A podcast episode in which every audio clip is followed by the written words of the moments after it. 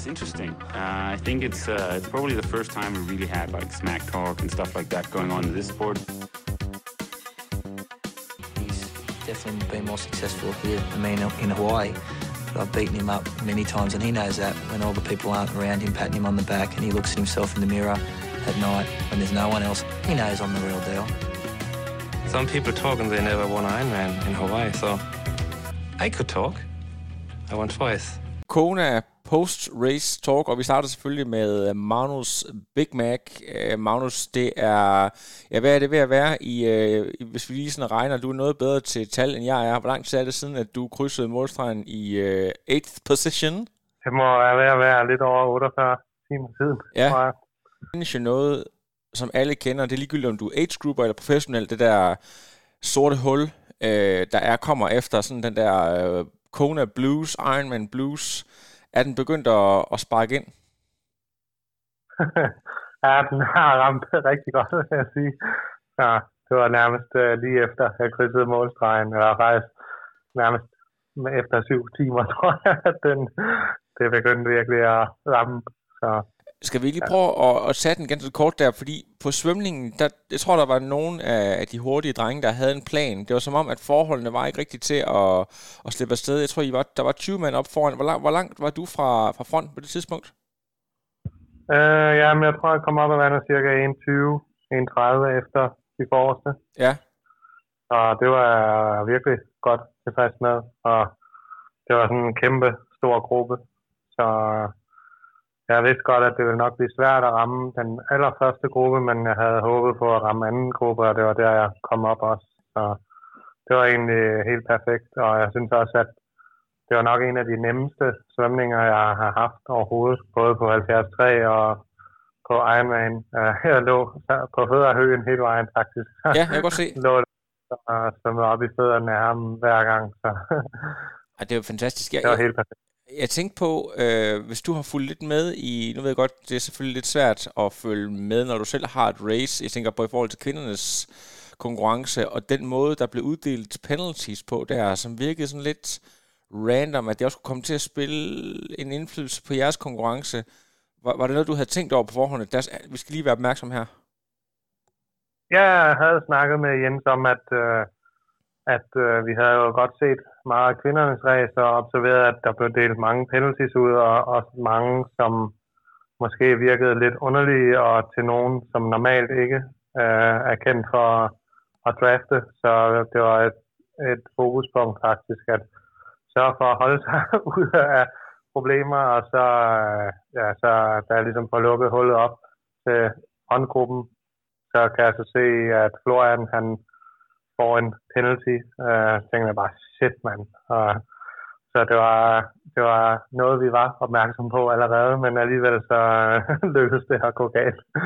Ja, det er næsten ligesom uh, The Communist Scare under uh, den gyldne periode i Hollywood, hvor man, uh, det så ud som om, at i stedet for kommunister, så uh, de var ude på at jage europæere, fordi det var alle, alle de, de store ja. Maskiner fra Tyskland og Danmark, der, der bare uh, fik penalties til højre venstre. Det kan vi lige vende tilbage til. Altså, det, det ser ud som om, at det går fuldstændig planmæssigt, og øhm, nogle gange så har du haft den taktik, at du kører sådan easy op igennem, du ved, uden sådan effort, hvor det bare øh, kører på bedst mulig måde, og nogle gange så har det bare været hurtigst muligt til fronten. Var, var det det sidste, der var tilfældet her, og se om kommer frem hurtigst muligt? Ja, det var sådan lidt en dynamisk plan, afhængig af, hvor stort gap der var til de forreste, men i og med, at der kun øh, var en 20 op, så følte jeg, at det var noget, jeg kunne lukke inden for 20-30 minutter, hvis jeg virkelig trykkede til den, og også fordi, at vi havde lavet nogle test, hvor jeg havde ligesom kørt race pace og hårdt fra morgenstunden af, for ligesom at se, hvor varmt der egentlig er om morgenen på Hawaii. Er det ikke fordi, at der er, sådan, er synderlig varmt, så vi vidste også, at jeg godt kunne holde til at trykke rigtig meget til den i starten, fordi temperaturen er det køligere. Fedt. Øh, så planen var egentlig bare at hamre øh, til fronten, og så i den samtidig med, at jeg lukker hullet, sørge for ikke at slæbe nogen med op, og begge dele lykkedes faktisk. Ja, Så det, må, det var, det- det var en rigtig god start på cyklingen også. det, må, det må man sige, og øh, ret hurtigt så får I jo et øh, pænt hul. Max Newman, de to nordmænd, og så er det dig, og så er det Sam Laidlow. Hvad, hvad, er det, var det, når du sidder og kigger på, på de fire andre, er det sådan noget, du, du havde forestillet dig? Det, det, det virker meget realistisk, eller var der noget, der sådan overraskede dig i, i den måde, I kom afsted på? Um, det var, jeg havde godt, eller jeg vidste godt, at nordmændene ikke ville lade mig køre så lidt. Uh, så jeg havde forudset, at det nok ville tage en del at komme væk fra dem, og samtidig vidste jeg også, at Sam Ledlow er en ekstrem god cykelrytter og kører. Han var jo sådan set kørt fra start af, så det var, vi kom ligesom op til ham, hvor han sad sammen med Max. Så den eneste, der egentlig overraskede mig lidt, det var Max Neumann. Resten var nogen, ja, det undrede mig ikke, at de var der. der havde, det ville heller ikke have undret mig, hvis der havde været flere, der kunne have siddet med på det tidspunkt. Så det var sådan, det var egentlig meget fint, synes jeg. Øh, så det var ligesom kogt ned til os fem allerede der på en eller anden måde. Og ikke splits med, at vi øvede ret meget til alle andre. Så Lige præcis. Øh, nu ser tingene sikkert lidt anderledes ud, når du ligger og kører og har alle dine andre tal kørende op i hovedet og fokuserer på din egen raceplan. Når vi sad og så det, vi havde alligevel fem timer til det, hvor vi kunne sidde og, du ved, sidde og se, hvordan I så ud. Øh, jeg tænkte over den, den der måde, som, som øh, alle, bortset fra Blumenfeldt, så ud, sådan virkede meget, meget aerodynamisk og tucked in, og det hele, det sad bare. Og det var som om, at, at Blumenfeldt, han, øh, altså det hele, det, det kørte bare rundt. Altså var det noget, du selv tænkte over, hvordan fanden kan den her mand sidde med her? Øh, altså det er jo er det bare på ren lungekapacitet, eller hvad? Ja, det må det jo være, men jeg, det var faktisk, jeg var faktisk meget, jeg kunne se, det var mig, der lukkede hullet op til Sam Laidlow med en ret hård forsering. Øh, og der kunne jeg se, at det ligesom var Christian, og jeg havde også øh, havde angrebet lidt tidligere også, at det ligesom var Blum Christian, der lukkede hullet hver gang, og han ligesom virkede som om, at han virkelig ville nærmest gøre alt for, at jeg ikke slap afsted. Uh, og jeg kunne se de vat, jeg lå og trådte, og sådan, så jeg tænkte, at det er faktisk meget fint egentlig, at han kører med nu, fordi jeg havde stadig en del, Øh, altså mit, mit største øh, angreb, eller mit, mit, det sted, som jeg egentlig havde udset mig allermest til at gøre en forskel, det var på vej ned af Harvey, fordi jeg er en relativt stor fyr, og jeg er rimelig aerodynamisk, så samtidig med, at jeg har god power, så når man kører ekstremt hurtigt, det, er ligesom, det plejer at være på de rigtig hurtige stykker, at jeg kan gøre en forskel. Så det, var egentlig, det passede mig egentlig fint, at jeg kunne se, at Blumenfeldt han sad og, og arbejdede hårdt for at lukke hullerne. Og så havde jeg så håbet, at, at jeg kunne bruge min, øh, altså bruge nedstykket af Harvey på at, på at angribe igen, men det endte så med at blive øh, noget helt andet. Så ja, men det kan vi jo tage. Ja, det, det kan vi og, og det er jo for nogle af de andre år, man kan sige, der var rigtig meget, der var ændret i forhold til, men der er altså også nogle ting, som øh, er, som de plejer at være. Det der med, hvis du er i frontpack og med rundt deroppe ved Harvey, så har du en rigtig god mulighed for at også øh, kæmpe med om, om de første placeringer. Sådan har det i hvert fald ofte været, og det så jo super godt ud. Men var det så, der skete, fordi du skulle jo have noget energi et eller andet sted, og jeg har ja. læst i nogle af de andres race reports, at jeg tror, det var Robert Kalin, at, at så var der ikke noget, eller der skete noget andet. Hvordan var det i dit tilfælde? Var det det samme her? Der var simpelthen ikke øh, folk til at, at række det ud, eller hvad skete der? Øh, jamen, der sker det, at man har, som professionel har man mulighed for at indtjekke øh, det, der hedder special needs øh, fra morgenstunden af, øh, således at man kan få øh, lige præcis den væske og energi, som man gerne vil have ude ved vendepunktet øh, efter 95 km. Og det er sådan ligesom et ret essentielt sted på ruten, fordi Ironman havde kottet en del af depoterne på grund af mangel på frivillige, så det var ekstremt vanskeligt at få nok øh, væske og energi ude på cyklen, når man kører øh, med så høj intensitet, som vi gør. Øh, så vi havde egentlig alle sammen, øh, jeg tror ikke, der var en eneste bro, der ikke havde, havde valgt at benytte sig af den mulighed med at, at tjekke, tjekke væske ind i, til Special Needs ude ved Harvey, og så er ideen, at de frivillige derude står, øh, mens man cykler forbi, og rækker posen ud til en, og så kan man ligesom tage øh, de ting fra, fra posen, mens man cykler, så man er fri for at hoppe af og miste tid på den måde. Øh, og vi kører igennem depotet, hvor man skal have poserne, øh, og så kan jeg se, at de andre i gruppen, øh, Sam, Max, Christian og Gustav, alle sammen får deres pose, og jeg råber efter nummer 32, øh, posen, som var min, og jeg kan se, at der er fuldstændig forvirring, og der ikke rigtig er nogen, der har fundet posen frem. Øh, så jeg bliver nødt til at stoppe at klikke ud af mine pedaler og gå lidt tilbage og prøve at at hjælpe dem med at finde posen, og så er der lige pludselig en, der får fundet den pose øh, efter et stykke tid. Øh, men øh, i løbet af, af den tid, hvor jeg ligesom har stået stille, og de andre jo øh, kørt, så jeg mister måske et minut, øh, og det var der, hvor jeg havde tænkt mig at prøve at gøre en forskel nedad.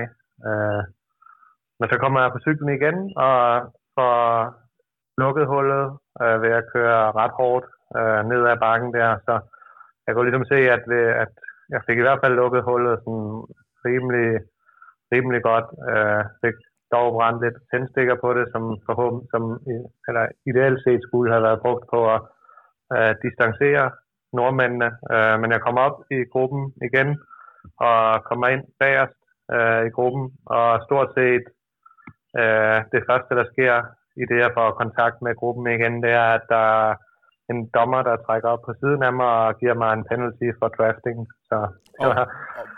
og Magnus, du er en super calm og collected fyr, og jeg ved, at I har brugt rigtig meget tid på mental træning og forberedt alle mulige scenarier, men det der med, at du lige får en på siden af hovedet, og så, kommer så, så får du lige en losing mere.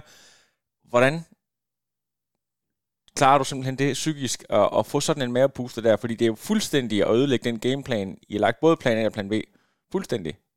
Ja, så første gang det sker det med, med posen der, så bliver jeg ekstremt frustreret, men lykkes ligesom at få hovedet med øh, igen og fokusere på at, at lukke hullet. Øh, så det var egentlig meget tilfreds med, at jeg fik lukket det sådan på den måde, jeg gjorde.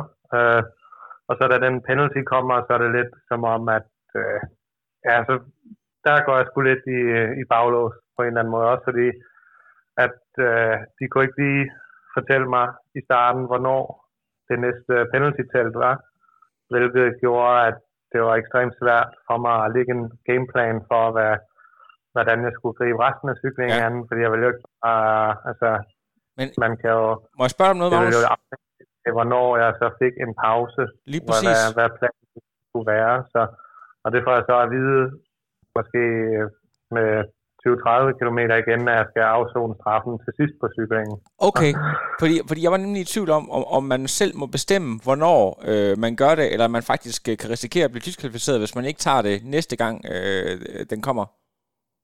Nej, man skal tage det ved næste øh, øh penalty-tal, men ja. der var ikke noget før øh, til sidst på ja. cykelruten, så, og det havde ikke lige kigget, øh, det var så også øh, min fejl, men jeg har aldrig fået en straf før, men man kan jo ligesom se øh, på forhånd, hvor øh, penalty-tællene er lokaliseret henne på ruten, mm. så det skulle jeg måske have, have kigget på, men det havde jeg ikke lige overblik over lige situationen.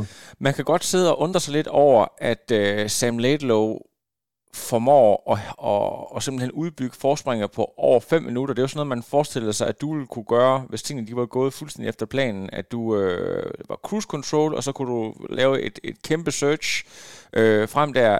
Er det, øh, jeg er klar over, at du selvfølgelig ikke i, altså i og med, at du både har mistet eller tid der øh, til at starte med, og at du skal ind og have en penalty, så er du ikke interesseret i at gå hen og, og, og grave dit eget hul endnu dybere.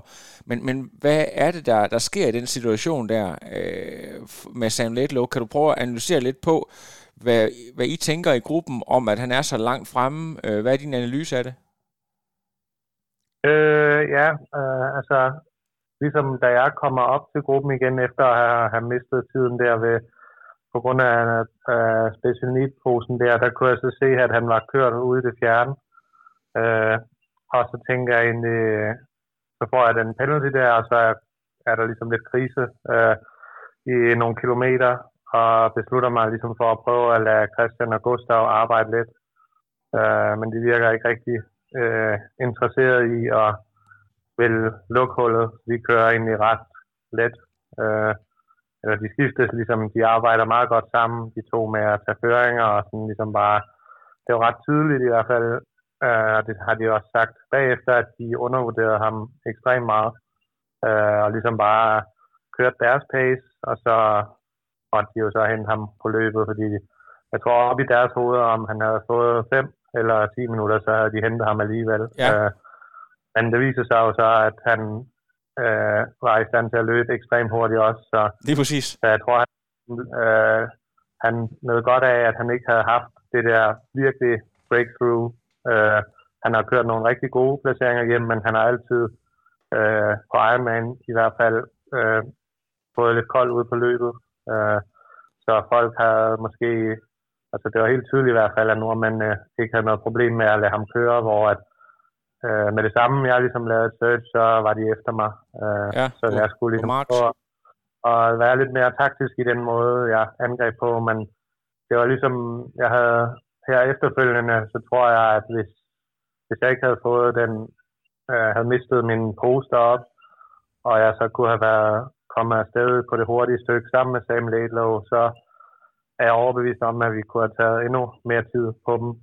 Og så tror jeg, at de ville have fået det rigtig svært også, fordi så var de tvunget til at skulle køre hårdere, end de, end de gjorde. Og man kunne se, Christian, han, ikke, han løb hurtigt, men han løb ikke øh, lige så godt, som han, man måske havde forventet, han ville, fordi han nok også havde brændt nogle tændstikker øh, i at, ved at prøve at lukke nogle af de huller, øh, undervejs tidligere på Cyberonen. Ja, præcis.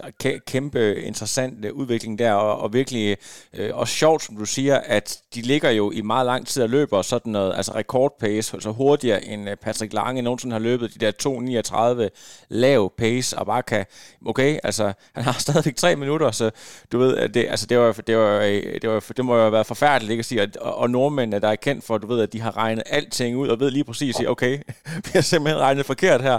Øh, så det, det var ja. faktisk lidt sjovt, men Magnus, det, det er jo dig, vi skal snakke om her. Du, du, du skal ind og, og surfe den der penalty, og der er mange, der snakker om, at selvfølgelig det er aldrig nogensinde nogen fordel at få en penalty, men trods alt, hvis du skal have en lige der, inden du skal ind og løbe, og du lige kan stå og ryste benene lidt, må, må du egentlig drikke, eller må du, må, du, må du gøre noget som helst, der, der kan give dig en fordel i forhold til at, at kunne få et godt afsæt på løbet?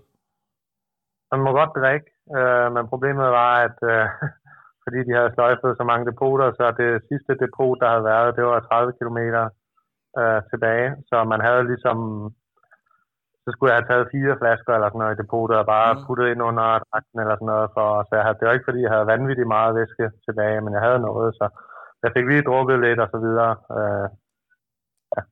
Men, men altså nu, det er bare sådan lige det sidste, jeg kommer til at spørge om de her depoter, fordi det, man har jo sagt i mange år, at øh, det der med at, at komme til at stå og hjælpe i de depoter på Hawaii, det er faktisk noget, der, der er sådan en krig om. Så mange af dem, der står der, det er folk, der har gjort det i rigtig, rigtig mange år, og ved præcis, hvad der skal ske osv. Så, så, så i de få depoter, der så var, der går ud fra, at folk de var ekstremt øh, professionelle, hvis man kan bruge den betegnelse. Øh, ja, det er så ikke så vildt professionel ude ved, ude ved Harvey. ved Special øh, punktet der, men ellers så synes jeg, at så, altså, der var ikke nogen problemer ved, mm. altså, folk vidste uh, ligesom godt, hvordan man skulle stå med flaskerne, når de afleverede dem, så vi kunne få dem i høj fart og sådan noget. Så, så det var uh, rigtig fint. Ja, det er egentlig også utroligt, at øh, man kan jo se, både hvis du sidder med en, en tracker, øh, så kan du jo se, hvem der kommer. Altså det, det må de jo sådan vide på forhånd, at der står en og siger, okay, det er nummer bum bum bum, der kommer, og du ved, så står de er klar, ja. i stedet for at skal råbe. Det virker jo helt skørt. Man skulle tro, at det var sådan relativt simpelt lige at kigge på, hvem der ligger for os, øh, i og med, at vi kun var fem i gruppen, og så have dem klar øh, et godt stykke tid i forvejen. Mm. Men øh, så skal, du, du skal jo til at løbe på det tidspunkt der. Jeg må, jeg må indrømme, at øh, jeg ikke helt er klar over, er det Cameron Worth, eller hvem er det, der, der lige kommer op på det tidspunkt, der, der kommer en, øh, en, øh, en gruppe øh, der, eller, eller har du egentlig et forspring, når du skal ud og løbe stadigvæk? Uh, så imens jeg står i teltet der, så kører Worth Kienle, øh, Kalin og et par stykker mere forbi. Uh, Joe Skipper kommer ind sammen med mig. Uh, det kan godt være, at der lige er nogen, jeg har glemt. Uh, jo, ham Leon Chevalier uh, ja. kommer også forbi. Og et par stykker mere. Så. Ja. Ja. Det er altså nogle af legenderne. Kinley i hans uh, sidste Hawaii race, i hvert fald på højt niveau, øh, også ender med at blive nummer 6. Hvordan, øh, altså, du er også lidt en fanboy. Hvordan, øh, nu ved jeg godt, du, øh, du ved, din, dine store drømme, de ligger måske sådan lidt i ruiner, men øh, altså, det der med at, at komme ud i et godt showdown, det, det går du jo heller ikke af vejen for. Prøv lige at fortælle lidt om det. Øh, ja, så jeg løber egentlig ud øh, og føler mig virkelig godt løbende og dummer mig nok lidt ved at løbe ud i 3.40 øh, de første øh, næsten 15 kilometer. Øh, så det var sådan noget, det var det pace nordmændene lå at løbe. Øh, øh, og, men så får jeg så hentet Kienle lige inden vi rammer, eller på toppen af Palani faktisk. Og jeg troede egentlig, at og i, i, i mellemtiden der har jeg så løbet forbi uh, Worth og Tim O'Donnell og Robert Kalin og så videre. Så jeg, det var også, jeg tror, jeg gjorde det også på grund af, at jeg følte, at det var vigtigt for mig ligesom at komme ind i racet hurtigt igen, så ligesom prøve at få lidt succes tidligt i, i løbet, hvilket var nok er, er en ekstremt farlig øh, ting at gøre på netop Hawaii, men jeg ville gerne ligesom føle, at jeg var en del af racet igen, i stedet for at ligge og løbe øh, som nummer 12-13 stykker, for så tror jeg, det kunne have været rimelig hårdt mentalt øh, i starten i hvert fald. Så jeg forløbede mig op på en øh, 6. Øh, 7. plads øh, sammen med Kienle øh, på toppen af Palani. Øh, jeg tror egentlig, jeg troede, at jeg bare ville løbe forbi ham, fordi jeg havde løbet en del hurtigere end ham øh, indtil da. Men han går ligesom ind bag ved mig, øh, også fordi sagde han bagefter, at det var, det var et stykke ud af Queen Kate, og så kom bagefter, hvor der var ekstremt meget modvind. Så ja. han havde ligesom regnet med, at han lige kunne ligge, ligge bag ved, ved, ved mig, fordi jeg er så høj. Øh, men så spørger jeg ham så, fordi jeg kan se, at han, han løber med, og ikke vi bare skal arbejde sammen, og så se, hvor langt vi kommer, og så må, så må vi ligesom tage, den, tage duellen, når, den, når det opstår, i stedet for at, at ligge og kæmpe mod hinanden allerede nu. Uh, så siger han, jo, det kan vi godt, og så blev vi enige om at trække en kilometer hver uh, hele tiden. Så må ligge og lave uh, rulleskifte, her man fik ja. kalde på løbet, og han var sådan rimelig... Uh, der var et tidspunkt, hvor jeg kom til at løbe en kilometer. Uh, han sagde, at det skulle ikke være hurtigere end 3.45. Og så var der en, på et tidspunkt, hvor der var en kilometer, der, hvor jeg fik trukket lidt for hurtigt, og det var han sgu ikke lige tilfreds med, så det var, men det var, det var virkelig fedt at løbe med ham helt ud til... Altså, vi løb hele stykket på, eller, på Queen K i modvinden. Det er jo så... Det jo nærmest... Det jo 10 km, hvor vi lå og skiftede, og så løb vi stykket i ned ad Energy Lab sammen. Ja. Og så ned... Øh, og det kørte virkelig godt, den måde, vi, vi skiftede med at tage føringer på. Og undervejs fik vi indhentet ham, Leon der, så vi lå som nummer 5 og 6. Og det begyndte egentlig at se, se meget godt ud. Jeg tror, vi begge to lå og og løb og, og ventede på, at der var nogen, der begyndte at blow op. Øh, enten Sam Laidlow eller ham Max der. Vi vidste nok godt, at nordmændene ville være ekstremt vanskelige at hente, men, men jeg håbede lidt, at en af de to andre måske kunne, kunne eksplodere på et tidspunkt. Øh, og så, da vi vender ud i Energy Lab, så lige pludselig så igennem et depot, så kan jeg bare høre, at Kine havde råber bare, fucking hell! Og så øh, jeg blev sådan helt forskrækket over, hvad, hvad det var. Jeg har aldrig hørt nogen råbe i et race. Men så, så, så løb jeg ligesom fra ham der, uden at forsere overhovedet. Øh, så der, der, jeg tror, jeg ved ikke, om han slap bevidst, eller om han havde en kæmpe krise der, men det var i hvert fald ret sjovt, ligesom bare lige pludselig at, at udbryde øh, på den måde, og så løber jeg fra ham ind til ja, godt op af Energy Lab stykket, som går op ad bakke. Uh, så er det som om, at det hele det lige pludselig begynder at blive øh, meget uoverskueligt i det, jeg rammer toppen af, af Energy Lab og vender ude på Queen K og ved, at jeg stadig mangler 12 km fra at være i mål. Ja, præcis. Uh, Prøv lige at fortælle, uh, din Energy Lab er jo sådan det mest infamous sted overhovedet. Uh, hvad er det, der er så hårdt ved det? Er det på grund af, at, det er, at, at vinden står stille derude, eller er det, det mentale, at det også er der, hvor dine energidepoter normalt begynder at være, være udtømt osv.? Hvad, hvad, hvad er det, der gør det så svært? Um, det, det er lidt svært at forklare, men det er bare et sindssygt sted at løbe. Uh, specielt på vej tilbage og op, fordi det går op ad bakke, så der er ikke rigtig nogen vind. Det hele det står bare stille, uh, og den, der er uforklarligt varmt derude på en eller anden mærkelig måde. Ja. Og man kan bare mærke, at asfalten bare varmer det hele op, og det går ekstremt langsomt, fordi du løber op ad bakke, og samtidig så ved du, at du stadig har 12 km mutters uh, alene op på Queen K bagefter. Så jeg tror, det er en blanding af varme og at det, er, det går op ad bakke, og så samtidig, at, at der, der er jo ikke et øje derude. Du løber fuldstændig alene i dine egne tanker, så det, det er i hvert fald et, et kritisk sted. Ja, Ej, men det er, det, altså det bliver jo sådan helt, jeg kan sådan se billederne for mig. Jeg tror, jeg synes også, du er rigtig god til at fortælle det. Jeg tror også, at dem, der lytter med her, de vil også, øh, du ved, sidde og få den der, den der øh, fornemmelse. Og, og så det der med at løbe sammen med Kinley, det er jo helt fantastisk. Øh, hvad hedder det? Det tidspunkt, hvor øh, det sådan begynder at, at blive rigtig kritisk, øh, du bliver overhalet øh, i forhold til det der med at sådan glide lidt øh, tilbage, hvor, bliver du betænkelig på et tidspunkt, at du skal sådan glide helt ud af top 10, eller har du sådan stadigvæk en fornemmelse af, at der er nok øh, i tanken til, at du kan, du kan trods alt komme, øh, komme sådan rimelig fornuftige mål?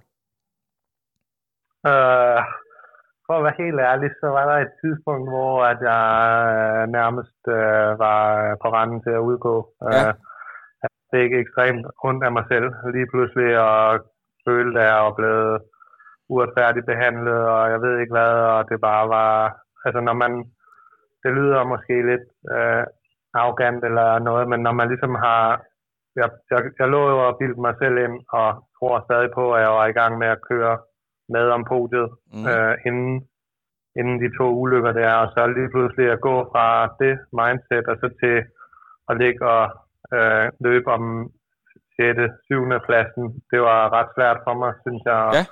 Så lige pludselig, så da det begyndte at, at gøre rigtig, rigtig ondt, så var det meget svært for mig at, at ligesom for eksempel i rot, da, da, da jeg ramte det samme punkt, der gjorde det jo lige så ondt, men der havde jeg bare en motivation, der hedder, at du er ved at vinde rot, hvor her der var der ikke lige den samme øh, motivation for mit vedkommende der, og det, så, så faktisk var jeg nede at gå på et tidspunkt. Ja. Så det var, det var så kritisk, at jeg, jeg tror, Kasper og Jens, der var derude sammen med mig, de var helt sikker på, at øh, jeg ikke ville komme i mål, men så var det som om, at den der gåpause, jeg lige havde der, lige sat det hele lidt i perspektiv, og så begyndte jeg at løbe igen, og fik det sådan hævet nogenlunde op til, jeg tror, jeg lå og løb 4-0 der, derfra, 4-0 pace, så det var ikke sådan vanvittigt langsomt faktisk. Øh, og så kan jeg så se, at jeg faktisk begynder at hente på nogle af dem igen, fordi det var det var helt sygt. Folk, de skøjtede bare rundt derude. Altså, ja. øh, ham med franskmanden Mignon der, han havde lige indhentet mig, hvor han bare bragede forbi mig. Og så 500 meter senere, så, så kunne jeg bare se på, om han nærmest øh, løb baglæns. Altså, så, wow. så lige pludselig så det, okay, nu kan jeg, så kan jeg så indhente ham. Og så, da vi så kommer op på toppen af Queen K, det går ret meget opad de sidste par kilometer, og så skal man løbe ned ad Palani. Øh, så kan jeg se, at jeg er lige ved at indhente øh, franskmanden Mignon der. Og så, jeg ved ikke, hvad det var, men der var der bare et eller andet, der tog fat i mig. Og så, jeg tror, de to hurtigste kilometer i hele mit race, det var de sidste to kilometer. Så Fedt. der fik jeg indhentet ham og sat ham med nærmest et, et minut eller ja. noget. Jeg tror aldrig, jeg har løbet så hurtigt to hurtige kilometer på en Ironman før. Men det var, der var ligesom et eller andet, der lige skulle ud og vise, at jeg faktisk godt kunne, øh, at det ikke var helt håbløst på en eller anden ja, præcis. måde. Hvordan, øh, da du kommer ind, og du, du øh, får mulighed for lige, at sikkert sidde lidt ned og have lidt væske og så videre, men øh, snakke med øh, Laidlow, snakke med Blumenfeld, ideen og så videre, øh, får du, får du nogle, øh, nogle øh, klap på skulderen i forhold til, du har trods alt øh, været en ret central del af konkurrencen i ret lang tid?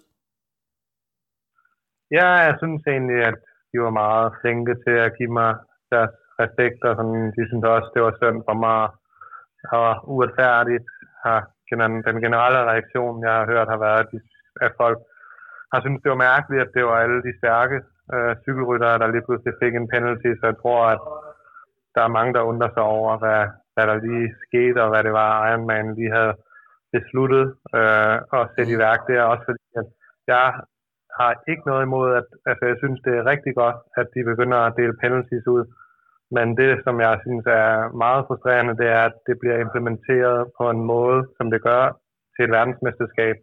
Så man går basically fra, at der ikke er blevet delt et eneste penalty ud hele året i nogen Ironman-konkurrencer til, at hvad ved, altså, der må have været 10 mennesker, der fik en 5 minutters penalty for ja. herrene. Og samtidig, at, øh, at, det ikke, at der ikke bliver givet nogen warning på forhånd. Altså normalvis så fungerer det sådan, at så hvis man kommer ind i, hvis, man, hvis dommerne observerer, at du ligger for tæt øh, flere gange, eller sådan noget, så får man ligesom en warning, og så ved man, okay, ja. nu det var sidste gang, at så ved man, at man er meget tæt på at, at få en penalty. Men her, det også, da jeg så Florian på hans penalty, altså, det kommer fuldstændig ud af det blå, og der var ingen tegn på, at der skulle have været noget som helst. Så det er mere det, som der irriterer mig, det er den uh, inkonsistens i, hvordan reglerne bliver håndhævet, fordi at det er godt, at der bliver delt penalties ud, øh, men det er ikke godt, at man lige pludselig går fra den ene yderlighed til den anden, uden nogen, altså, og så til et verdensmesterskab. Ja, det virker, også, det virker jo også uh, skørt, og det er også en måde, at, jeg kan sige, hvis man forsøger at gøre sporten professionel, så det synes jeg ikke, det er måden at gøre det på. Så synes jeg ligesom, at ja, som du selv siger, så skal man øh, deklarere det på en anden måde i hvert fald. Ja, altså et forslag kunne være, at man for Ironman, PTO og Challenge ligesom uddannede øh, et sæt af måske, det vil nok ikke kræve meget mere end fem professionelle dommere, som blev uddannet i, hvordan reglerne er, og hvordan de skal håndhæves, og hvad man må og hvad man ikke må, og så rejser de professionelle dommere rundt til alle, det behøver ikke være alle stævner, det kan det selvfølgelig ikke være, men alle de største stævner i verden, altså VM-stævnerne og PTO-stævnerne osv., og så er det de dommere, der er der, som er uddannet og ved, hvordan tingene hænger sammen, som styrer det, i stedet for at det er en eller anden, øh, altså, ja.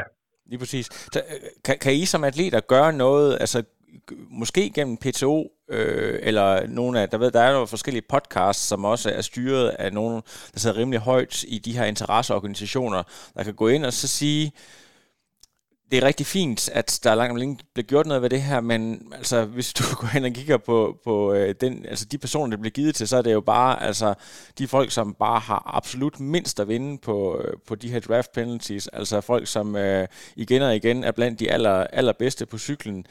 Øh, altså, er der en chance for det, eller, eller tror du, det er lost, lost course? Uh, jeg ved, at der bliver skrevet en hel masse mails i øjeblikket, både ja. til Ironman og til PTO, fordi at, uh, ja, jeg kan... Uh, Philip Seib, uh, som er træner for Florian og for Laura Philip og for Lisa Nordén blandt andet, havde jo, han havde fire atleter til start, tror jeg, det var. Ja. Og de er alle sammen kendt for at være ekstremt gode cykelrytter, alle fire. Det vil sige, det er Laura Philip, Lisa Nordén, Florian Angert og Sebastian Kiene og tre af dem fik penalties, så han var heller ikke helt tilfreds. Nej, for godt. Men så hvis vi lige taler generelt om hele konkurrencen, ikke? Altså, øh, det er jo sådan en, en af de der rekordernes dag, og øh, jeg har faktisk skrevet en lille bitte artikel om det, hvor jeg sådan sammenligner lidt med 2018, men det var jo sådan lidt som om, at det var sådan et freakish year, hvor øh, der var sådan, øh, sådan for, du ved, for første gang i, i 40 år, er der bare total vindstille, og øh, også age-grupperne kører ekstremt hurtigt den der dag, hvor jeg har en fornemmelse af, at det her, det er simpelthen bare det generelle niveau, der gør, at alle kører stærkt, og øh, du ved, øh, dem helt op foran, det er jo helt unge atleter, altså det er jo øh, late low, 23, ideen 26, ikke den yngste verdensmester nogensinde, øh, jogger den stort set ind, han kunne sagtens måske være kommet under 740 faktisk. Øh, hvad hedder han nu? Dave Scott har jo i overvis råbt og skrevet om, at øh, atleterne, de burde nemt kunne løbe de der, du ved, midt 2, øh, 235, og der er ikke rigtig nogen, der har gjort det indtil nu. Når du, ser, når du ser de der tider og sidder og kigger ned ad resultatlisten, det må du sikkert have gjort, når du ikke kunne sove øh, her de sidste par dage. Altså er det ikke bare mega motiverende, at du ved, at du, du er inde i den største revolution, sporten har set i rigtig, rigtig mange år? Åh, oh, det er, det er sindssygt fedt. Det, det, det er helt vildt at tænke på faktisk, og bare hvor hurtigt det egentlig er gået, og alle de unge øh, atleter, der kommer op. Øh, det, man ser jo kun få af dem nu her, men der er jo, altså vi ser jo kun toppen af isbjerget, der er jo så mange på vej op, at man skulle tro, det er løgn. Så det, jeg tror, det kommer til at gå rigtig hurtigt, og jeg tror, der kommer til at øh, blive sat nogle rekorder også næste år og så videre. Jeg tror, at der kommer til at blive kørt endnu hurtigere. Så mm. forhold til dagen, så er der ingen tvivl om, at det var en vanvittig hurtig dag af Hawaii-standarder, så det har helt sikkert hjulpet på det. Øh, jeg snakkede med Kine bagefter, som også ligesom spurgte ham ind til, hvad, fordi at alle de dage, jeg har været her på øen i de to tre uger, jeg har været nu, har det overhovedet ikke blæst nogen af dagene. Øh, så jeg var sådan lidt om, hvad, om, det, om det var normalt, det her, og om ligesom det var det, folk gik og snakkede så meget om vinden og sådan noget. Så jeg havde ikke rigtig mærket, jeg havde mærket, at det, det kunne godt hive lidt med af Harvey, men det havde overhovedet ikke været noget problem.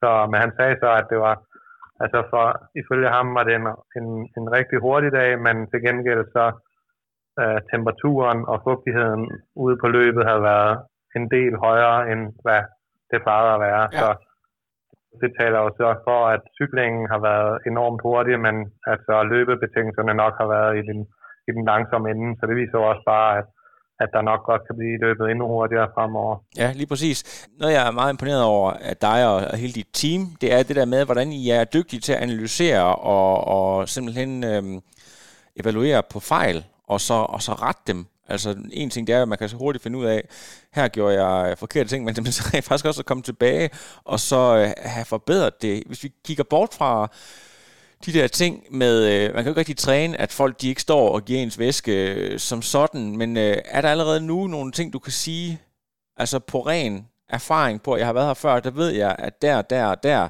der kan jeg, der kan jeg hente noget øh, tid, og endda måske markant tid? Oh, jeg har det rigtig svært ved at, ligesom at, at analysere, fordi jeg synes, at øh, indtil har vi så var tingene gået stort set nærmest bedre, end hvad drømmescenariet havde været. Altså, jeg havde lukket hullet så hurtigt, og ikke nemt, men så komfortabelt, og havde virkelig gode ben mm.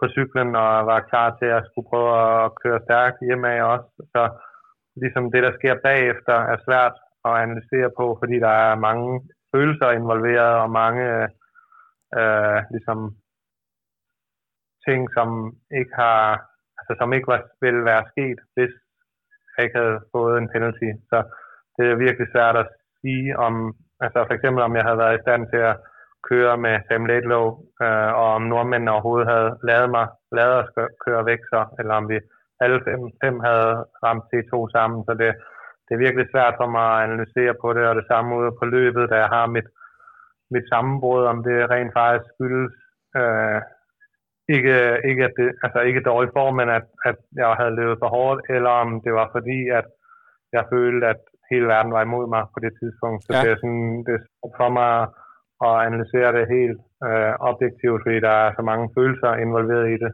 Øh, men jeg synes generelt set, at øh, optakten og den måde Jens og Kasper har hjulpet mig på, øh, og selvfølgelig min familie og svigerfamilie og kæreste og sådan, op til har været, altså vi snakkede om, at vi havde, altså jeg tror ikke, vi har sat en fod forkert efter, både i optakten hertil og, og altså indtil vi kom på øen, og samtidig, da vi så ankom her, har Kasper nærmest, øh, altså vi har, jeg har ikke kunnet løbe en time alene, uden han har været med på cykel bag ved mig og givet mig væske, og vi har prøvet at, altså jeg har stort set været på vægten efter hver pas og taget laktat, og sådan, vi har virkelig prøvet at være grundige, og det følte, det følte også, man kunne se på ræsdagen lige indtil tingene begyndte at smuldre lidt. Så der er ingen tvivl om, at I har gjort et rigtig grundigt stykke arbejde, øh, og øh, det bliver så spændende at følge med allerede næste år. Men, men altså for, for dit vedkommende, så, så fortsætter tingene. Det er jo det er sådan lidt den omvendte verden, fordi der er jo et verdensmesterskab allerede om tre uger igen. Er du sådan ved at, at refokusere øh, nu her, eller skal du lige stadigvæk, du ved, brugt på dage på lige at komme dig over det her? Nej, jeg tror lige, det tager lige øh, et par dage mere. Ja. Sige. Det, det er svært at komme sig over. Det, det, var, det er nok det stævne, der har betydet, øh, altså jeg har aldrig investeret så meget i et stævne, ikke bare, altså ikke, nu tænker jeg ikke på økonomi og sådan, øh, men sådan følelsesmæssigt og, og altså bare alting havde skulle have kulmineret her, så det tager lidt tid, når tingene så forløber, som de gør. Ja, lige præcis. Øh, men altså, du er ikke i tvivl om, at du, øh, at du på et tidspunkt, altså du ved, når vi snakker efter næste weekend, at så, så er du måske begyndt at, at dial ind og, og, og kan måske begynde at få nogle kvalitetspas i kroppen igen, eller hvad tænker du? Ja, det gode ved, at øh, jeg år før, det er jo, altså, min, jeg har ikke været sådan vanvittig smadret her bagefter. Øh, så jeg tror egentlig, at kroppen kommer sig rigtig hurtigt.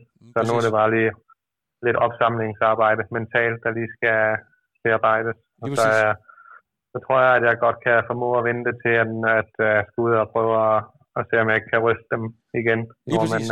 Jeg, jeg var egentlig, det der angående løbet, der gad jeg faktisk godt lige spørge dig, fordi du har jo løbet 240 to gange, øh, men så kone er jo lidt specielt, og det er virkelig, altså, antal af folk, der har løbet de der, der er Mark Allen, øh, Patrick Lange, og så lige øh, Jan Frodeno, og så ikke så mange mere, der har været helt dernede. Altså, tror du, at hvis din gameplan kører, du ikke får nogen øh, energikriser og ikke øh, brænder tændstikker, at du vil være i stand til at løbe nogenlunde det samme, så ud fra, hvad, hvad sådan din fornemmelse er, at, at du godt kan komme derned, øh, hvis det skulle være? Det tror jeg helt sikkert, øh, at jeg kan i fremtiden. Ja. Så for mit vedkommende handler det bare om, at, altså, jeg, jeg, hvis man ser på nordmændene for eksempel, så mm. den måde, jeg har trænet på i måske halvanden år nu, det har de jo gjort i 10, hvis ikke mere år. Ja. Så altså, den måde, de har levet på, og sådan, jeg bilder mig ind, at vi træner sådan relativt ens på mange måder, så jeg tror bare, at de har så meget mere mængde i kroppen, og jeg er så utrænet stadigvæk, at, at jeg tror bare ved, at jeg, hvis, jeg ligesom, hvis vi formår at holde mig skadesfri og fri for slemme sygdomme og styrt og så videre, så, så er vores, det er i hvert fald vores plan, ikke at forsere noget, men ligesom bare holde, holde på med det, vi gør, og så tror vi, at, at der vil ske en naturlig udvikling øh, hen imod det bedre. Lige præcis. Ved du egentlig, om Gustav Ideen også skal til Paris, eller det kun er Blumenfeldt, eller hvordan er planen der? For der er jo også lidt om, hvad kan man sige, det med at komme tilbage, at det er nogle af de der mennesker, som du allerede har været op imod, som det kunne være sjovt at møde igen. Ved, ved du, øh, hvad nordmændenes plan er? Jeg ved, hvad de siger offentligt, og det er, at de begge to skal tilbage til kort distance ja. øh, og ikke køre Hawaii næste år. Men jeg ved også, at øh, det ikke er altid, at det, der bliver sagt, det er virkeligheden. Og jeg ved ikke, med, om det er top 3, eller om det kun er vinderen, der kvalder automatisk til næste år.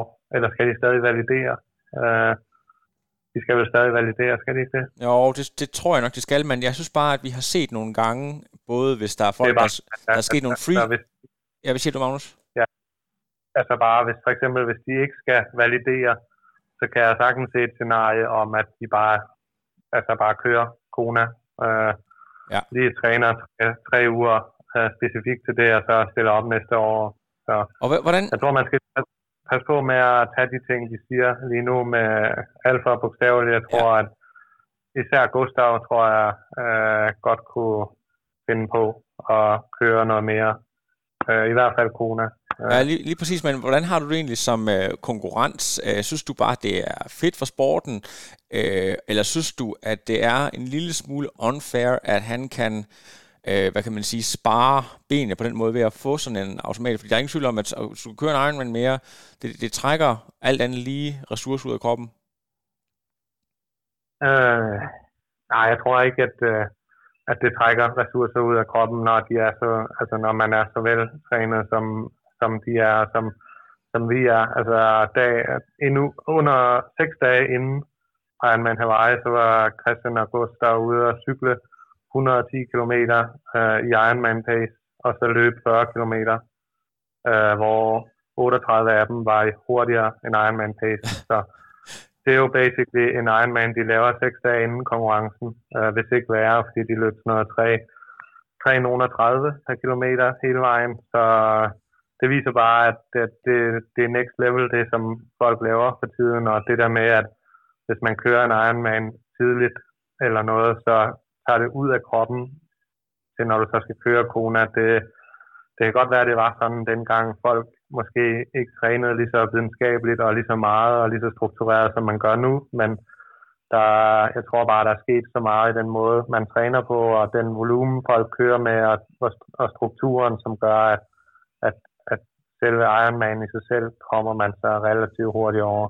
Ja, det er jo helt... Det er mere til at sige, at det er ekstremt imponerende, at de kan formå at sætte sig op til at vinde, altså at køre alle de race, som de kører på så højt niveau, og svinge så lidt, som de gør, og altid være, altså ligesom være skarpe, når de rammer startstregen, og, og være, være til stede mentalt. Og de, de har jo planer om at køre 73 VM nu, og så køre Bermuda ugen efter 73 VM, og så køre Abu Dhabi et par uger efter det. Så, altså det, det, som der imponerer mig allermest, det er den, der, altså hvor, at, hvordan man kan sætte sig op til sådan et program, som de kører.